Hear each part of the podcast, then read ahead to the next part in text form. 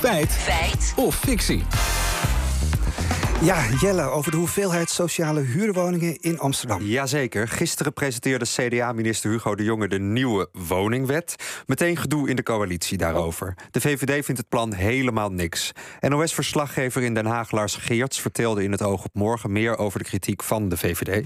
Hij doet niks om het overschot aan sociale huur aan te pakken in de grote steden. De Groot wijst erop dat in Amsterdam bijvoorbeeld 50% eh, sociale huur is.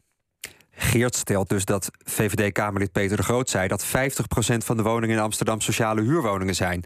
Ik ging het meteen checken. Nou, hoe ga je en bij wie ga je dat dan checken? Nou, eerst bij Lars Geerts zelf van de NOS, Oh ja. om na te gaan waar Peter de Groot dit gezegd had. Toen ik hem sprak, werd al snel duidelijk dat het een verspreking van Lars Geerts zelf was. Oh jee. De Groot zei namelijk in een eerste reactie tegen de NOS dat 40% van de woningen in Amsterdam sociale huurwoningen zijn. Geen 50% dus.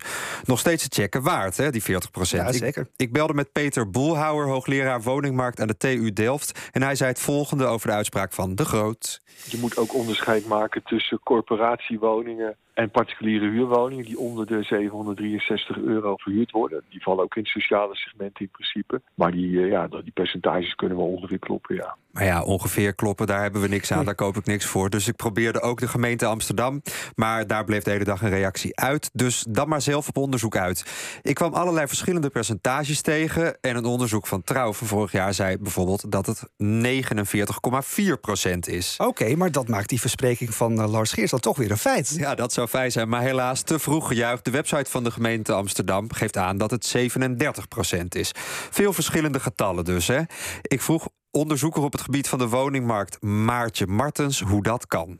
Omdat er op verschillende manieren gerekend wordt eh, met wat er toevalt aan de sociale huursector. Je hebt nu het natuurlijke deel dat direct toebehoort aan de woningcorporatie. Daarnaast heb je particuliere verhuurders die ook eh, deels verhuren binnen het gereguleerde segment. En dan heb je nog een deel studentenhuisvesting. Dat telt vaak ook mee in de sociale huursector. En het is de vraag of dat terecht is. De minister vindt in ieder geval van niet. Nou, zij gaf dus aan dat je het beste cijfers van de gemeente Amsterdam kan volgen. Oké, nou maar even over die woningwet, want ik hoorde een hele boze VVD. Die is dus niet tevreden. Wat staat er nou precies in dan? Nou, in de wet staat onder andere dat gemeenten voortaan wonen verplicht. eh, dat gemeenten voortaan verplicht kunnen worden, sorry, om 30% nieuwe sociale huurwoningen te bouwen. En waarom vindt de Groot die nieuwe wet dan zo'n absurd idee? Tja, het is natuurlijk campagnetijd. De VVD vindt nu dus dat er in sommige steden zoals Amsterdam juist al veel te veel sociale huurwoningen zijn. Maar Boelhouwer is het daar niet mee eens. Ik vind het absoluut geen eh, absurd idee. Er, zijn, eh, er is enorm tekort aan eh, betaalbare sociale huurwoningen. En ook als je naar de inkomensopbouw van de bevolking kijkt, dan, ja, dan, dan is ja, tussen de 40 en 50 procent ongeveer zou een beroep kunnen doen op die, op die sector. Gaat die oneenigheid er nu voor zorgen dat die nieuwe woningwet er niet komt? Nou, Boelhouwer denkt dat dat wel mee zal vallen.